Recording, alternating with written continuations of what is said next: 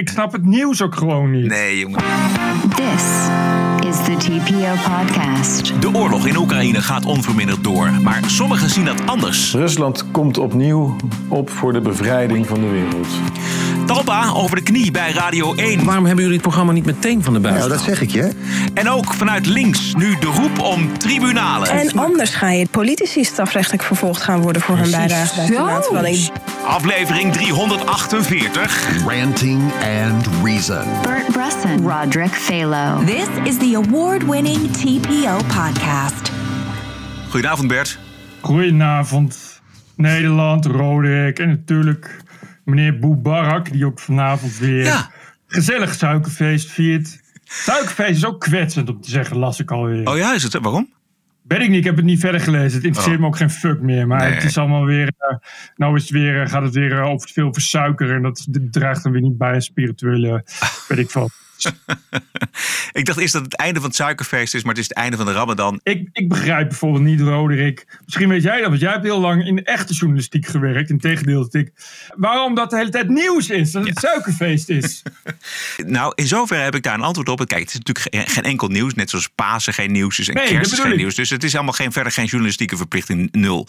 Maar het, vooral bij de NOS, maar ook bij de, bij de RTL... zijn ze dus heel erg bezig met, eh, dat, dat, ja, met, met een opvoedkundige taak, lijkt het wel. Want ik zag vandaag op de het website van de NOS... ik heb het niet getaped, maar daar, is- daar wordt- is, dan gaat dan echt een serieuze journalist... verslaggever gaat dan eh, naar een moskee toe... en die gaat dan v- vragen stellen. in- Vooral heb je het gemist. En dat is dan het actuele haakje natuurlijk. Dat het voor het eerst sinds de covid weer eh, bij elkaar kan. En dan hoor je dus ja, gewoon vrou- vrouwen en mannen die zeggen... ja, ik vind het fantastisch om weer in de moskee te zijn. Ja, dus een agendajournalistiek zou je het kunnen noemen. Want het is... Ja, dat, dat weet ik. Maar, maar ik snap niet waar die agenda vandaan komt. Er zijn ook echt tienduizenden eh hindoes in Nederland. Ja. Heb jij, ik weet helemaal niks van hindoes of van hun feesten. En de belangrijkste reden dat ik niks weet van de hindoes en hun feesten... is omdat de NOS er nou nooit eens een keer een item aan besteedt. Terwijl Ja. die hindoes volgens mij een hele rits aan veelkleurige en even exotische feestdagen hebben. Ook nog een boel, heleboel goden. Dan zou je denken, nou dat is dan toch ook mooi voor je agenda, maar niks. Nee. Eh, Joodse feestdagen, niks. Nou ja, kerst en Pasen, dan snap ik dat je niet als NOS dan of als RTL Nieuws dan gaat schrijven. Het is weer kerst, het is weer Pasen, want dat weet iedereen wel. Maar toch, je zou toch denken van, hè, hoe, als, als het suikerfeest en, en Ramadan nieuws is, waarom dan niet ook Ja. alle christelijke feesten? Niks. En, en er zijn nog wel honderd religies in Nederland, gok ik. Niks. Ik heb de hele afgelopen dagen ook gezien. Deze bakker verdient goed met suikerfeest. Ja, ja, ja, precies. suikerfeest, welke gerechten worden. Het is echt. Ja. Het stopt gewoon. niet. Nee. Er zijn gelukkig meer mensen in de journalistiek ook die zich dat soort dingen afvragen op Twitter bijvoorbeeld. We nemen eh, de moslims pas echt serieus als we er nou eens een keer geen aandacht aan besteden. Ja, volgens mij ook. Ja. Maar ik, ik, ik wil graag een keer een antwoord op het waarom. Want het valt op. En, het, en, en ik vind het. En ik meen het serieus. Weet je, ik, ik, snap, ik bedoel, ik snap heus dat je inderdaad. Nou ja, joods-christelijke tradities, die kent iedereen wel. Dat meen ik serieus. Er zijn echt heel veel Hindoes in Nederland. Daar hoor je nooit wat over. Het is kennelijk een, een religie. In tegenstelling tot andere religies. die weinig behoefte heeft zich op te dringen of te mengen. Ja. Ik zou het nog, nog interessant vinden ook. Om te, we- ik weet helemaal niks van, de hind, van, eh, van eh, he- Hindoeïsme. Ja, Ja, nee, ik zie ja, zo ja. uit. Weet je, dat je denkt van dit zou echt serieus een interessant onderwerp zijn ook nog. Dat is volgens mij echt, als je dat als NOS of, of als, als AD eh, eh, daar eens een keer een serieus artikel over maakt, dan willen mensen het nog lezen ook. Maar dit Ja. is elk jaar ook echt exact hetzelfde. Ik, nou, ik weet het wel, dat, dat het Ramadan en suikerfeest is, Ja. hoef je niet elk jaar te vertellen. Nee. En wat dacht je dan van, van al die Chinezen die in Nederland wonen? Al jaren trouwens. Chinees, bedoel, ook zoiets. Ja, daar kun je ook nog een, daar, die hebben ook een religie. Ehm, voor mij hoeft ook die andere feestdagen hoefden ook niet in het nieuws, want ik vind het gewoon Nee, geen precies. journalistiek onderwerp. Maar als je dan inderdaad het, het voornemen hebt om de Nederlandse autochtonen op te voeden in eh, exotische religies, nou dan pak dan ook eens een keertje die andere. Ja, laten we dan gewoon afspreken met de journalisten onderling. Dat we gewoon zeggen van nou, dat, dat, laten we dat dan gewoon maar zitten. Gewoon. Ja, Tenzij er gewoon we- echt iets nieuws is. Wat een goed idee. Ja. Laten, we laten we mensen gewoon niet opvoeden. Laten we gewoon alleen nieuws, gewoon verslag doen van wat ook echt actueel nieuws is. Juist. Waar je, waarvan je ook zegt, oh goed dat je dat zegt, anders had ik het niet geweten. Dat soort dingen. Ja, precies. Ja. Ik heb nog een goed idee. Want er worden weer online radio awards uitgedeeld aan de beste podcast. En dat gebeurt donderdag 19 mei. Dat is al snel. Dus uh, ik zou zeggen, ga heel snel naar onlineradioawards.abcvoting.com en stem op ons. Je kunt stemmen in de categorie podcast en presentator. Het is heel gemakkelijk. Je, gaat, je klikt op de categorie en dan zie je een zoekbalk bovenin. En daar tik je in TPO podcast. En dan eh, kom je er vanzelf. Het scrollen naar beneden, daar zou ik niet aan beginnen. Dat is een enorme rit naar beneden. Komt geen eind aan. Dus gewoon die zoekbalk gebruiken. Je kan ook gewoon naar online, onlineradioawards.nl en dan zie je het vanzelf staan. Dan word je oh. doorverwezen. Oh, Breng je jouw stem uit en dan klik op en dan kom je bij inderdaad bij online.radioawards ABC voting. Ja, super handige URL is. Ja, uh, maar uh, het kan nog tot en met 9 mei. Zo, nog een hele week. Stemmen. Ja. stemmen. Je kan nog een hele week stemmen. Ja, en we helpen je aan het eind van de show je nog even te herinneren. Dan het echte nieuws. Europese regeringsleiders die broeden op nieuwe sancties tegen Rusland. The European Union stepping closer to a ban on Russian oil this morning. Germany's finance minister just saying that an immediate Russian oil embargo is possible. Ja, dat wordt toch een beetje lastig, want veto van Hongaarse president Orbán. En er speelt nog iets anders. Dat vond ik ook buitengewoon interessant om te lezen. Een olieboycott betekent olieschaarste in Europa. En dat betekent een scherpe stijging van de vraag naar olie natuurlijk. En dat zorgt weer voor een scherpe prijsstijging op de olietermijnmarkt. Per saldo kan dat betekenen dat we Poetin niet raken, maar juist goed doen, omdat hij zo veel meer voor zijn olie en gas krijgt. En vrijdag stond er een berekening in de Volkskrant. En daarin blijkt dat de inkomsten voor Rusland de afgelopen twee maanden uit fossiele bronnen bijna verdubbeld is tot 44 miljard euro. Kijk, kijk eens aan. Dus ja, wat moeten we met een olieboycott? En Poetin heeft al al die tijd al gezegd dat. En de experts in elk geval, Poetin heeft zelf niet zoveel gezegd, maar die hebben toch allemaal wel gezegd van ja, de kans zit er niet echt in dat je hem raakt met die sancties. Maar toch doen we het. Eerst lag Duitsland heel lang dwars omdat Duitsland importeert, de volledige olieimport van Duitsland bestaat voor 30% uit Russische olie. En uit het niets kwamen de Duitsers twee dagen geleden ineens met de mededeling dat ze uh, dat hebben kunnen beperken tot 12%. Ja. niemand weet wat daar precies achter zit. En niemand weet ook nog wat ze dan, hoe ze dan die 12% gaan opvangen. Maar goed, Ineens uh, is iedereen voor, behalve dus inderdaad Hongarije. Ja, die moet je dan ook weer sancties gaan opleggen. ja. Maar goed, als het allemaal wel doorgaat, dan is het toch maar de vraag of je Poetin daarmee raakt. Maar, raakt. En het wordt serieus schaarste dan ja. voor, voor, voor, voor de EU-landen. Ja. En hoe dan ook, een enorm dure olie. Dus je benzine, dat, wordt, dat worden zwarte zondagen, vrees ja, ik. dat zou, dat zou zomaar kunnen. Bij de pompen en zo. Ja. Maar goed, ik begrijp best dat je iets moet doen. Dit is volgens mij ook al het vierde sanctiepakket waar dan olie en gas in zitten. Maar goed, laten we ons niet rijk rekenen en denken dat we daarmee de oorlog verkorten, volgens mij. Het probleem is natuurlijk dat het echt een kartelafspraak is van EU-landen. En niet-EU-landen hebben ook olie nodig. Ja. Dus die zullen toch echt uh, olie blijven afnemen. En wij gaan natuurlijk olie elders kopen. En, de, en die, maar dat, dat is die olieprijs gewoon. Die wordt niet goedkoper. Nee, die wordt helemaal niet goedkoper. Nee.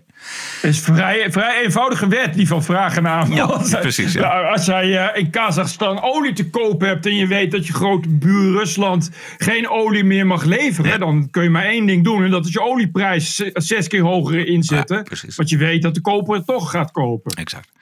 Aanstaande maandag is het 9 mei in Rusland en dat is de dag van de overwinning. De gedachte is dat Poetin op die dag iets te vieren zou moeten hebben. En hij kan dan de bevrijding van Oost- en Zuid-Oekraïne uitroepen. En onderhandelingen voorstellen, dat zou kunnen. Maar ik las ook dat de Britse minister van Defensie Ben Wallace er rekening mee houdt met het tegenovergestelde. Dat Poetin die dag ook kan aangrijpen voor een algehele mobilisatie en het startschot kan geven voor nog veel meer oorlog. Dat las ik dus ook. Ja, dat zijn vermoedens, zegt hij. Hij heeft verder geen inlichting of aanwijzing dat hij daartoe in staat is. Maar, of dat hij dat van plan is, maar het, het zou zomaar kunnen. Toch nou ja, de, wat ik lees zijn inderdaad ook vooral grimmige voorspellingen. Dat hij uh, uh, juist helemaal niet klaar is met de oorlog. Nee. En dat er dus een, een, een, klein gedeelte invloedrijke figuren om hem heen en, en een gedeelte Russen juist veel meer willen. Dat blijkt ook in elk geval wel uit wat uh, uh, de Russische staatstelevisie in elk geval uitzendt. Al is het natuurlijk ook propaganda. Maar... Zeker, ja. Het aantal landen dat als bemiddelaar kan optreden, dat slinkt ook behoorlijk. Want Israël is afgevallen uh, na uitspraken van de Russische minister ja. van Buitenlandse Zaken. Die zegt dat Joden de grootste antisemieten ooit zijn. En dat Hitler, net als Zelensky, ook Joods bloed had. Ja, en Israël noemt deze uitspraken schandelijk onvergeeflijk en uh, een historische fout. En de Russische ambassadeur in Israël is op het matje geroepen. Maar daarmee valt dus Israël, die een aardige poging gedaan heeft. Uh, om te bemiddelen. Daarmee valt uh, Israël denk ik wel af. Wat is het toch typisch, dat antisemitisme... om dan de Joden als grootste antisemieten aan te schrijven? Wat is dat? Ik weet ook niet waarom Lavrov... Uh, hij heeft moeten weten dat hij daarmee de Israëli's tegen zich in het harnas jaagt. Dus ik heb werkelijk geen idee waarom hij dat doet ook. Uh, het is een welbewuste move geweest. Hij, ja? Bedoel, ja, dat is een... Hij is niet dronken of zo. Nou, ja, dat zou ook nog kunnen, maar ik kan me niet, niet ik, ik weet niet wat de Russen in hun schild voeren, maar kennelijk zitten ze niet te wachten op bemiddeling. Ja, toch is het een interessant gesprek. Gewoon alleen al voor het amusement is het leuk. Afgelopen vrijdag kwam die online een gesprek tussen FVD-leider Thierry Boudet en oud-hoogleraar en samenzweringsideoloog Karel van Wolveren. Oh. En dat ging uiteraard over Rusland, de oorlog in Oekraïne en de plannen voor Forumland. Daarover later meer. Maar eerst eventjes dat, dat, dat Rusland. Van wanneer is het? Dit is van vrijdag. Oké. Okay. En Van Wolveren die verzet zich als een, als een echte marxist tegen het groot kapitaal, het neoliberalisme en de macht van uh, de Verenigde Staten vooral. En daar vinden Baudet en Van Wolveren elkaar. En dat verandert niet langs de democratische weg, maar dat kan veranderen door een, zeg maar, een verlichte geest die de mogelijkheden heeft gezien om het te doen. Op en jij denkt dat dat vrij... in Duitsland gaat gebeuren? Nee, ik, dat, dat denk ik niet. Ik denk dat het gebeurd is in Rusland. Ja, Poetin, dat bedoel je? Dat bedoel ik. Ja. En ik, ik, ja, dat kan natuurlijk. Hè? Dat Poetin via, want Oekraïne is op een of andere manier het centrum van een van de centra van de Great Reset. En met alle laboratoria en alle wapens. Dus net als Israël, je hebt een paar plekken. Laboratoria. Ja, precies. Ja, ja laboratoria. Laboratoria. laboratoria. En Israël natuurlijk. Zijn oefenterrein heeft, zeg maar. Dat is Oekraïne ook. En dat, dat aanvallen, dat is een directe aanval natuurlijk op het hart van het netwerk van geheime diensten. Ja. Het bekende verhaal, weet je wel. Amerika geeft leiding aan het wereldwijde kapitalisme. En Poetin is de oorlog in Oekraïne begonnen om daar iets aan te doen. Dat is werkelijk het, het idee. Uh, vervolgens is Van Wolveren lyrisch over Poetin in dat gesprek. Maar wil Baudet even zijn punt maken dat hij verre van een Poetin-fanboy is. Helaas voor mijn critici, maar ik ben geen uh, Poetin-fan boy, ik vind toch wel heel veel dingen die ik heb gezien, ook in Rusland, heel zorgwekkend op het gebied van uh, uh, geen vrijheid voor oppositie. Uh, op het dat is niet waar. Is het, is het allemaal fake nieuws waar ik nee, in geloof? Het is, nee, nee op de, geen vrijheid voor neoliberale oppositie. Oké. Okay. Oh. Ja, precies. Ja, hier, hier, hier, hier ja. Oh, nee, maar dan, dan ja. is het heel anders. Dat ja. is, uh, ja, als je dan, kijk, neoliberalen ja, twaalf jaar in de cel zet vanwege hun mening. Ja, oké, kijk, dat kunnen we allemaal begrijpen. Ja. Wel ja, dat, dat Thierry nu zegt dat hij geen Poetin-fanboy is. Ja. Dat het wel, leek eerst toch heel anders te zijn. Het was eerst nog een hele milde operatie. Die massaslachting in, uh, in uh, Charkov en zo. En nu is het ineens, uh, oh, toch, uh, toch niet. Ja, hij moet het eventjes droppen en later komt hij er nog op terug. Dus uh, spreekt hij zichzelf ook wel weer tegen. Uh, maar Van Wolveren die zegt dus uh, dat er wel degelijk ruimte is voor oppositie in Rusland. Alleen niet voor neoliberale oppositie. En daar is een reden voor. En dan zegt men geen oppositie meer. Ja, dan denken ze aan Navalny. Navalny is een clown en, en, en werkelijk een heel, een, een heel schadelijk iemand die de grootste onzin en leugens vertelt. Maar dat zijn onzin en leugens die ook mede ontworpen zijn in het Westen door public ja. relations bureaus. En het... Dit is, ja.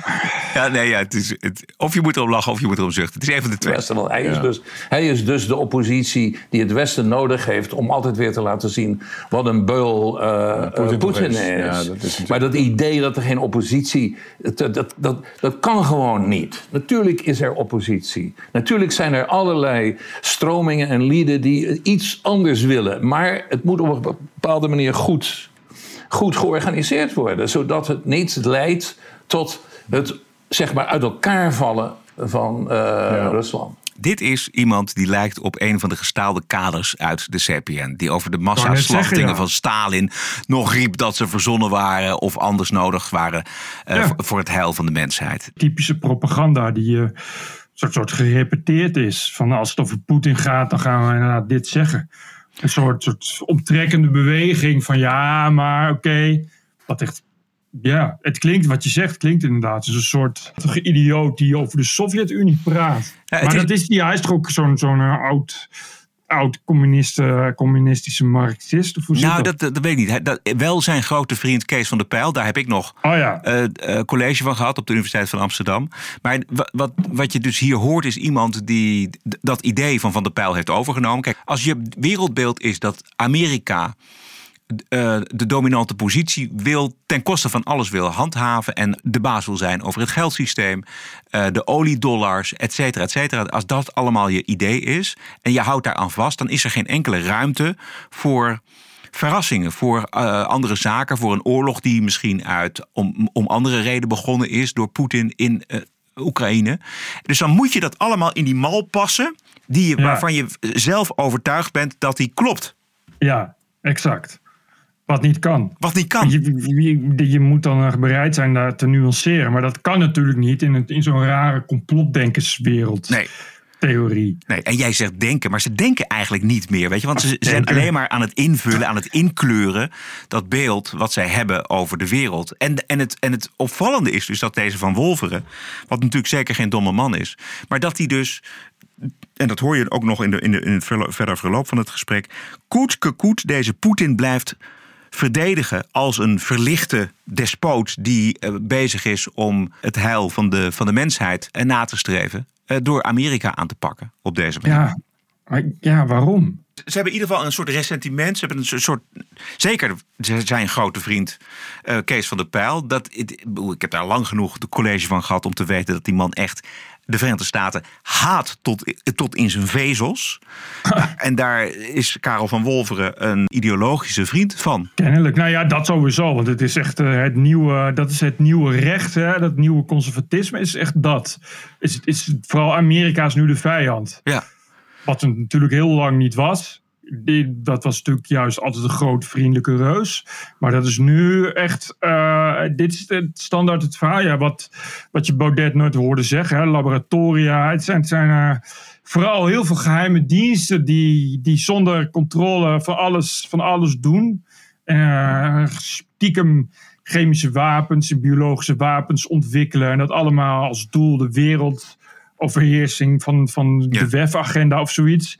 Maar dat, daar, het is wel echt, echt, echt anti-Amerika. Het, het wordt allemaal aangestuurd door Amerika. Dat is een beetje nu. Amerika wordt nu in dat soort wappie-kringen, wat, wat toch ja, deep state. Even terug naar het gesprek met uh, Baudet. Baudet die heeft dus gezegd dat hij geen Poetin-fanboy is. Maar gaat ook weer met het grootste gemak mee in het halleluja-verhaal van zijn gesprekspartner Karel van Wolver. Rusland komt opnieuw op voor de bevrijding van de wereld. Voor nou ja, de zoveelste keer. Nou ja, uh, ik denk dat Rusland heeft ook Nazi-Duitsland verslagen tenslotte. Uh, de Amerikanen kwamen net, op, net, op, tijd voor de Hollywoodfilms op Normandië aan. Maar, ja, de Russen hebben, de, hebben de, ja, Dat is toch eigenlijk ook wel bijzonder. Hè? De Amerikanen zijn er met de buit vandoor gegaan eigenlijk. En de Russen hebben het werk gedaan. Ja, nou ja, kijk, het was natuurlijk in een tijd dat Stalin aan de macht was. En van dat Stalinisme moest, uh, moest het Westen niks hebben. En waren ze bang voor. Ja, nou, en daar is dus een Koude Oorlog ontstaan. Waarschijnlijk had dat niet, was dat niet nodig geweest. Waarschijnlijk was het. Kla dit is klassiek Stalinisme van die van Wolveren. Het Westen moest niks hebben van Stalin en zijn waarschijnlijk ten onrechte aan de Koude Oorlog begonnen. Stalinisme was top, weet je. Dit is, de, dit is de marxistische bullshit die ik als een warme prak van de Universiteit van Amsterdam heb gekregen. Voorgeschoteld door zijn goede vriend Kees van der Pijl. Het is zo onbegrijpelijk dat deze kletspraat jaren achter elkaar gedoseerd is op een Nederlandse universiteit. Ja, dat vind ik ook onbegrijpelijk. Maar ja, uh, heeft iemand ooit zich zijn excuusstaf aangeboden? Hoe, hoe, hoe, werkt dat uh, eigenlijk? Het is een soort geestelijke aanranding geweest, ja.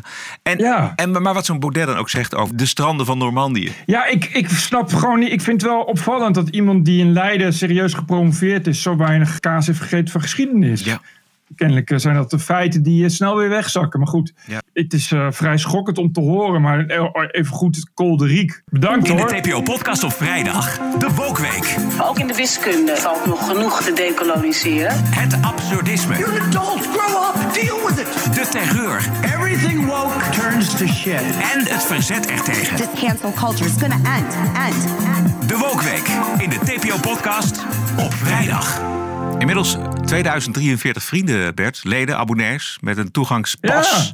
Een privilegepas kunnen we het ook noemen voor de vrijdagaflevering van de TPO-podcast. Ga naar petje.af slash TPO-podcast en doe jezelf een plezier met een maandabonnement van 4 of een jaarabonnement van 40 euro. En daarmee ondersteun je ons ook nog. Dus dat is gewoon een win-win situatie. Iedereen blij. Ja, en wij worden niet, kunnen niet gecanceld worden. Nee. Geen adverteerders die, uh, die weg kunnen gaan omdat we zeggen wat we willen zeggen. Precies. En zo kunnen we onafhankelijk blijven. Hebben er nog mensen gereageerd? Zeker. Edi Mully, ik weet uh, dat ik haar naam mag noemen, omdat ik, ik had haar brief ook al gepubliceerd. Naar aanleiding van uh, de laatste podcast van vrijdag en uh, mijn rent over Johan Derksen, oh ja. canceling. Ehm, beste Bert, dank voor de zeer terechte rent over het cancelen van Johan Derksen. Als vrouw van in de 50 heb ik de nodige en nare ervaring op het gebied van seksueel grensoverschrijdend gedrag meegemaakt. Maar ook ik ben opgegroeid in de jaren 70 en toen was er tussen haakjes gelukkig nog geen woke. De ontboezeming van Derksen stoort mij totaal niet en alle ophef erover des te meer. Dus nogmaals dank voor het rente. Succes met de podcast. Hartelijke groet. Edi, dankjewel. Het was een goede rente inderdaad van Bert. Ik heb hem ook nog een uh, klein fragment van 6 minuut 45 seconden uit die rent op TPO gezet. Ik zal hem ook nog uploaden. Op, uh, oh, oké. Dus dan kunnen alle mensen die uh, dus nu luisteren en nog geen lid zijn van de vrijdagaflevering, kunnen dan luisteren. Krijg je dan toch een stukje, een sneak preview van die vrijdag te horen. Exact. Daarom zijn er ook ineens een hoop mensen lid geworden. Dat is nogal, oh, toch wel als reactie op uh, nou, Johan Derksen Gate en wat wij daarover over gezegd hebben. Ja. Ik had ook nog uh, even. Uh, dit is nog een oude van een paar weken terug, maar die had ik over het hoofd gezien. Is van uh, iemand die noemt zichzelf Bleek. Hallo heren. Vanwege omstandigheden had ik een aflevering gemist. Gisteren op het terras in de zon met een biertje erbij kwam ik erachter dat Bert de mooiste dag van zijn leven heeft gehad. Zelf ook de mooiste dag van mijn leven gehad en ik ben nog steeds een groot voorstander van het huwelijk. Dan moeten de twee partners in het huwelijk natuurlijk wel goed samenwerken. Helaas had mijn partner geen zin om ons huwelijk voor te zetten. En van de scheidingskosten had ik 875 jaar de TPO-podcast kunnen luisteren. Dat heeft me geleerd dat als je een goed huwelijk ziet, dat je dat moet steunen. En daarom komt er een donatie jullie kant op om het podcasthuwelijk tussen Bert en Roderick alle kans te geven om lang en gelukkig samen te blijven. Geweldig.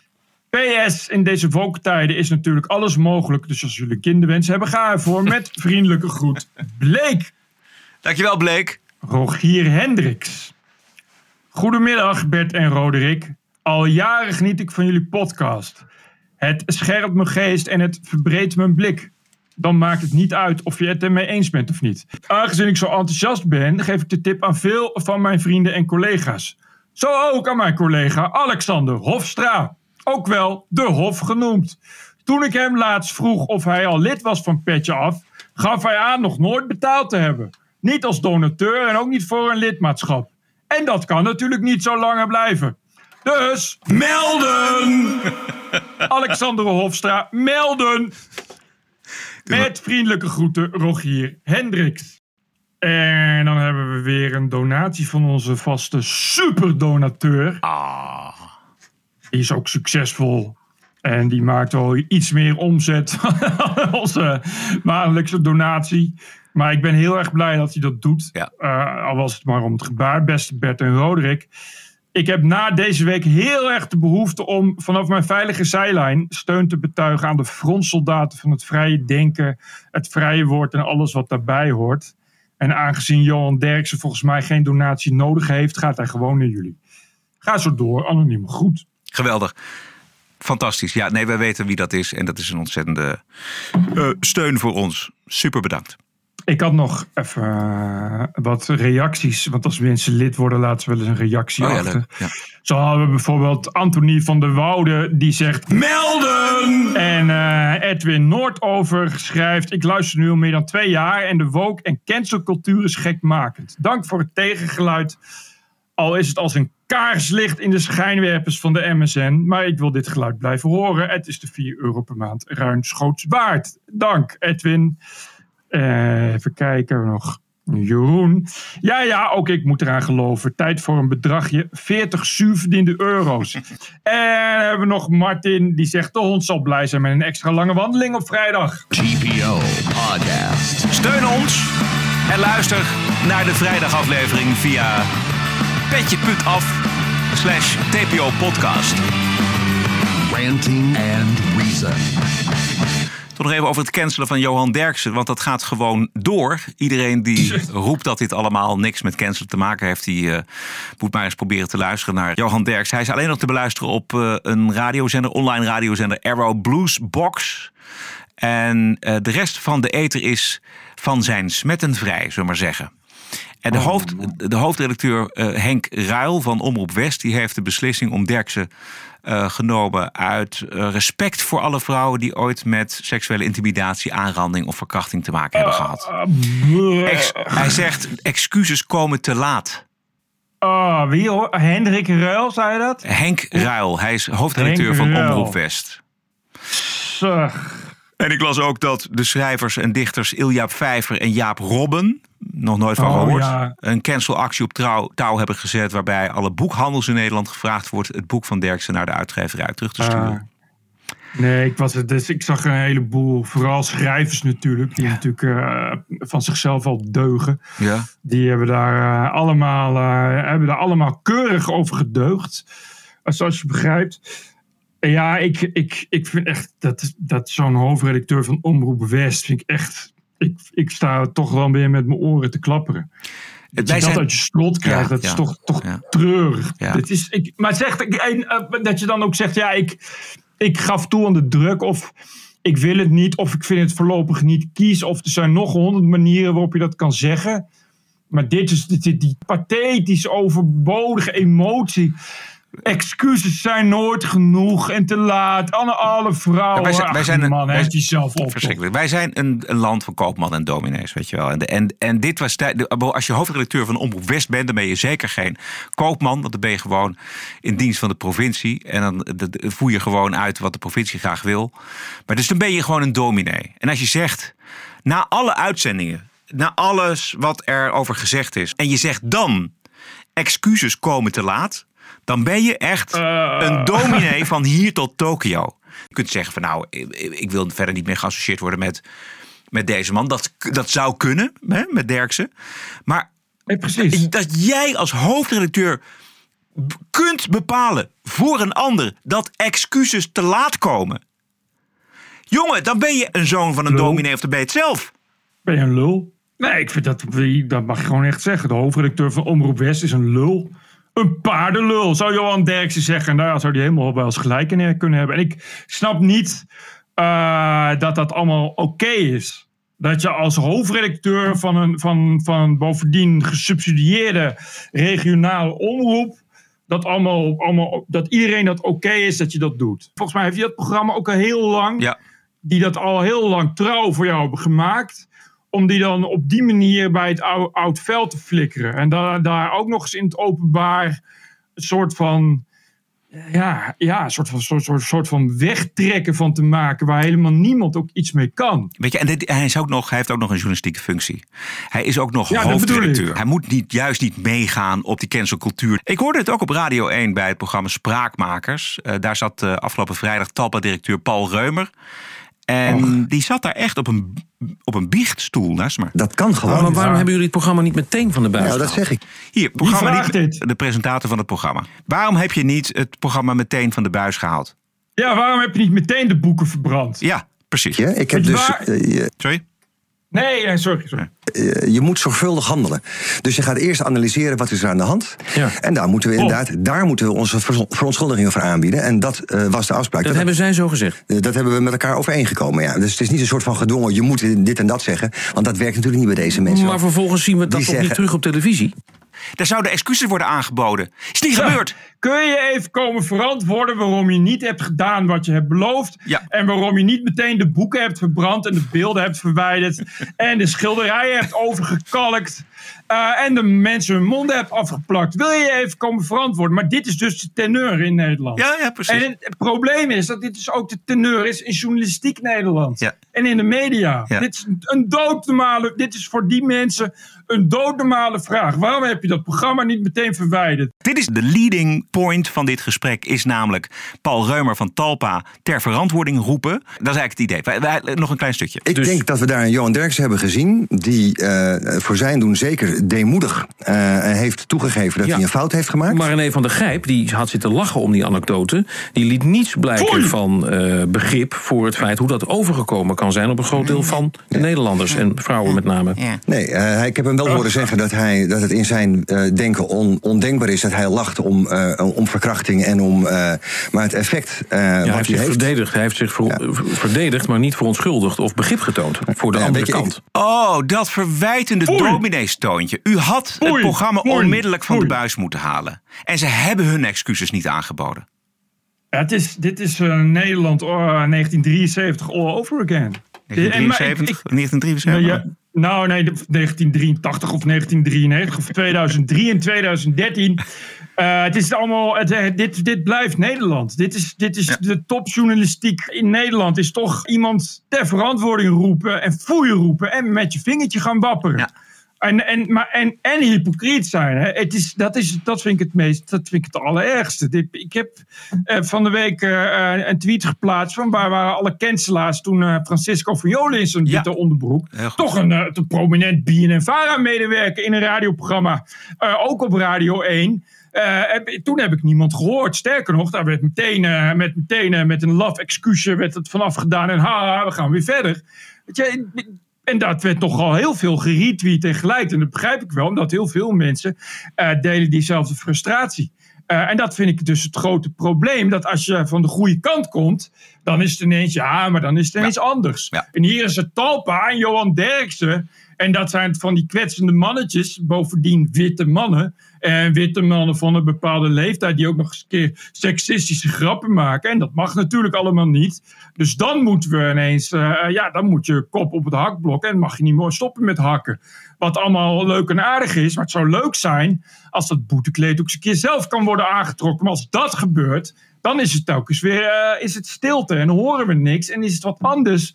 En dan gaan die mensen ook niet weg. Weet je, nu is er ineens, ineens tafeldames die opstappen met veel misbaar. En mensen die oproepen boeken terug te sturen en weet ik veel wat. Maar ja, ik, eh, ik ga het niet doen. Maar je- we kunnen wel eh, een hele rits van namen opnoemen van eh, bekende NPO-medewerkers. Die wel meer dan één scheve schaats hebben gereden in hun leven. Waar wel meer dan één vrouw wel eens door gekwetst is. Maar daar gebeurt allemaal niks tegen. Ik heb ook nog eventjes gekeken vrijdag naar de persconferentie van de minister-president. Die ging hier ook over. Eh, alleen was Rutte verhinderd en dus stond daar de eerste vicepremier Sigrid Kaag. En er gebeurde toch iets interessants. Dat gaan we ook zo meteen horen. Maar eh, het was wel duidelijk dat Kaag eigenlijk helemaal geen zin had in deze persconferentie. Eh, mevrouw Kaag, vindt u het dan terecht dat het programma eh, wellicht stopt?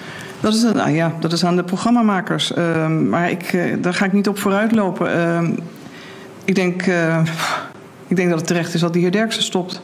Maar ik, eh, ik, ik, eh, dit is niet een kabinetsthema, moet ik er ook bij zeggen. Ik had het programma nog nooit gezien.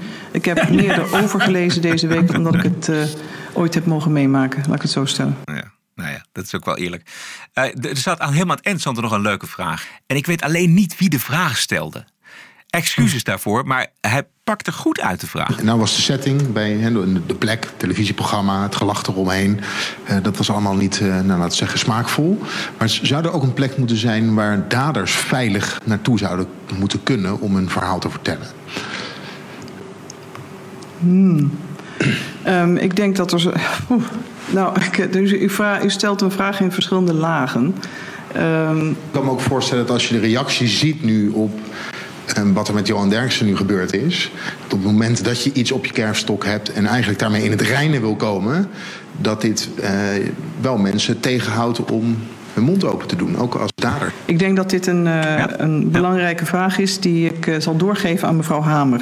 Met permissie. Ja, nee, maar ik vond het toch een goede vraag. Want dat was natuurlijk ook het idee van Johan Derksen. Ik kom in het Rijn, ik heb ook iets gedaan. En we hebben allemaal misschien wel iets wat uitgevreten. Maar ik ga het nu zeggen op televisie. En ik dik het nog wat aan ook. Dat was onhandig. Ik ben er wel een vereniging waar je als dader wel terecht kan. Ja? D66. Ja. Ik vind dit een goede vraag, omdat het ook aantoont wat dus het probleem van cancelen is. Dat je daarmee ook de onmogelijkheid eh, wegneemt voor, voor, voor berouw en, eh, en eigenlijk ook voor, voor boete doen. En, maar eigenlijk ook voor, nou, voor verzoening. Hè? Want we, we weten ook niks voor die vrouw, van die vrouw. Hetzelfde geld. eh, eh, ik, denk die vrouw, ik, ik kan me dat wel herinneren, maar ik, ik, ik, kan me, ik heb er geen trauma van. Of heeft ze daarna wel weer, weet je, je dat is allemaal, allemaal weg. Als dader weet je, dit is ook helemaal geen plek om een verhaal te doen. Want op het moment dat je maar een beetje verhaal doet, ja. dan komen ze met z'n allen om, om, je, om je weg te schieten. En dan, ja, dan heb je, blijft er niks meer over om nog überhaupt verder te vertellen. Ja, en dat was natuurlijk ook onze conclusie van afgelopen vrijdag ook. Van ja, weet je, het, het, het was nou juist zo fijn dat het erover gesproken kon worden. Nee, dat kan niet. Het belangrijkste, het allerbelangrijkste, en dat hebben we de afgelopen week natuurlijk bewezen weer in Nederland. Het allerbelangrijkste in Nederland is dat je kop eraf gaat. Want we Ja. leven in een land waar het maaiveld maar heel laag is. En iedereen die daar bovenuit komt, zijn kop gaat eraf. Maar ik, wat ik niet snap is waarom al die cancelaars nu de, nu de hele tijd zo hysterisch roepen dat het heel, echt niet om cancelen gaat. Dan denk ik van ja, ik kom er dan gewoon vooruit. Je wilde toch net, krijg je zo'n een- iemand als die Marcia Luiten. Nou, dat is duidelijk dat hij heel graag wilde dat Johan Derksen nooit meer op televisie verschijnt. Nou, dat is toch gebeurd. Maar dan zeg je toch niet daarna, ja, maar ik wil me niet cancelen. Zeg dan gewoon, ik wil graag cancelen. Ja. Wat, is dat, wat je wil is dat Johan Derksen nooit meer op televisie verschijnt. En geen boeken meer kan uitgeven. Want Ja. anders gaan we niet oproepen, boekwinkels oproepen om die, om die boeken weer terug te sturen naar de uitgeverij. Dus pure, pure canceling. Ja, ik snap, dat dat vind ik altijd zo raar. Ik denk van ja, dat je iemand haat, dat kan, maar kom er dan gewoon voor uit. Zeg dan gewoon, ik wil graag dat, dat Johan Derksen zoveel mogelijk helemaal kapot gaat. Maar als je dat zegt, dan is het nee, nee, het is cancelen. Is allemaal gejank van extreem rechts. En eh, nemen allemaal slachtofferrol aan. Denk ik, nou helemaal niet.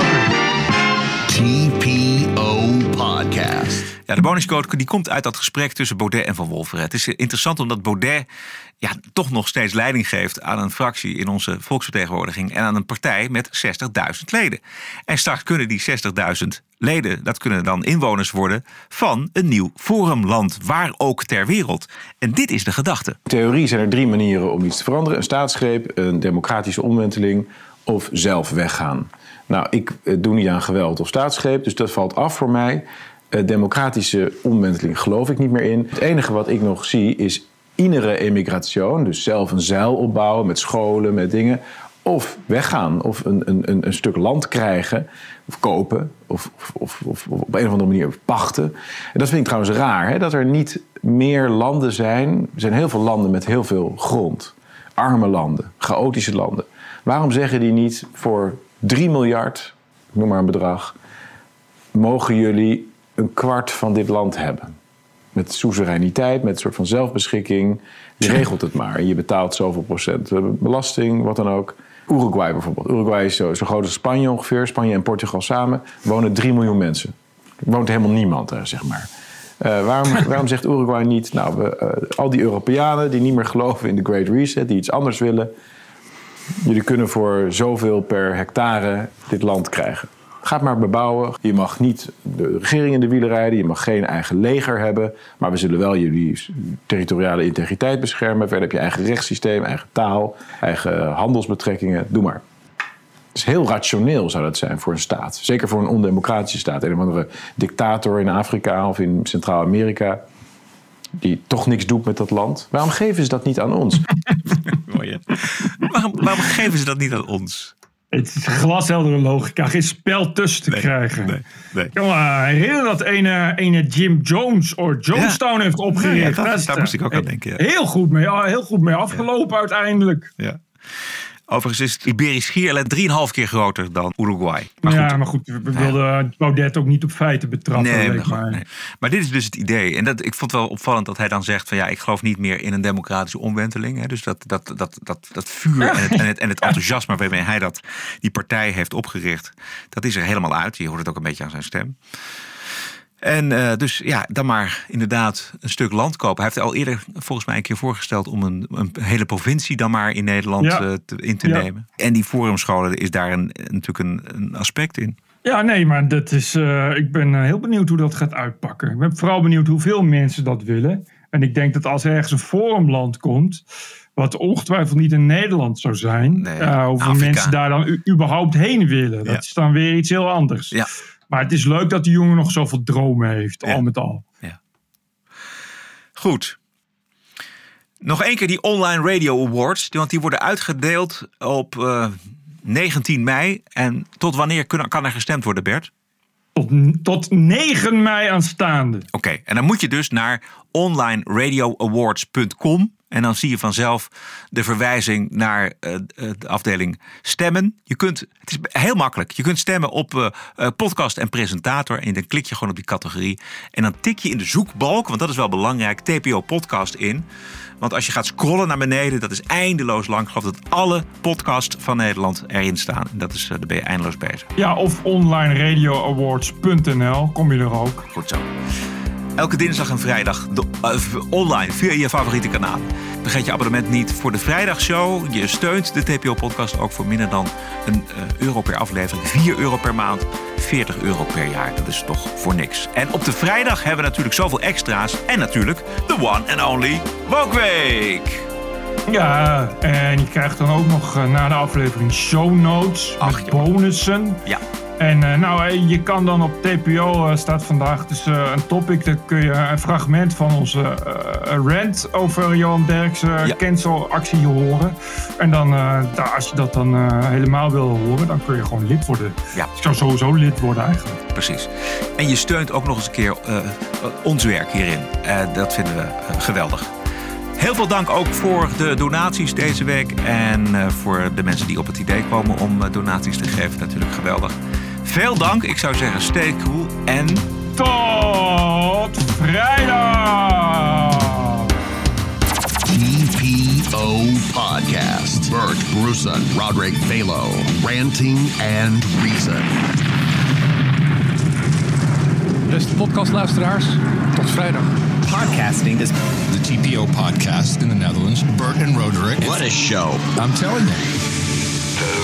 Twee keer per week de TPO-podcast op dinsdag en op vrijdag. Twee keer per week. Ranting and Reason. Al vijf jaar lang op dinsdag voor noppes. En dat blijft ook zo. Maar de vrijdagshow is nu exclusief voor leden.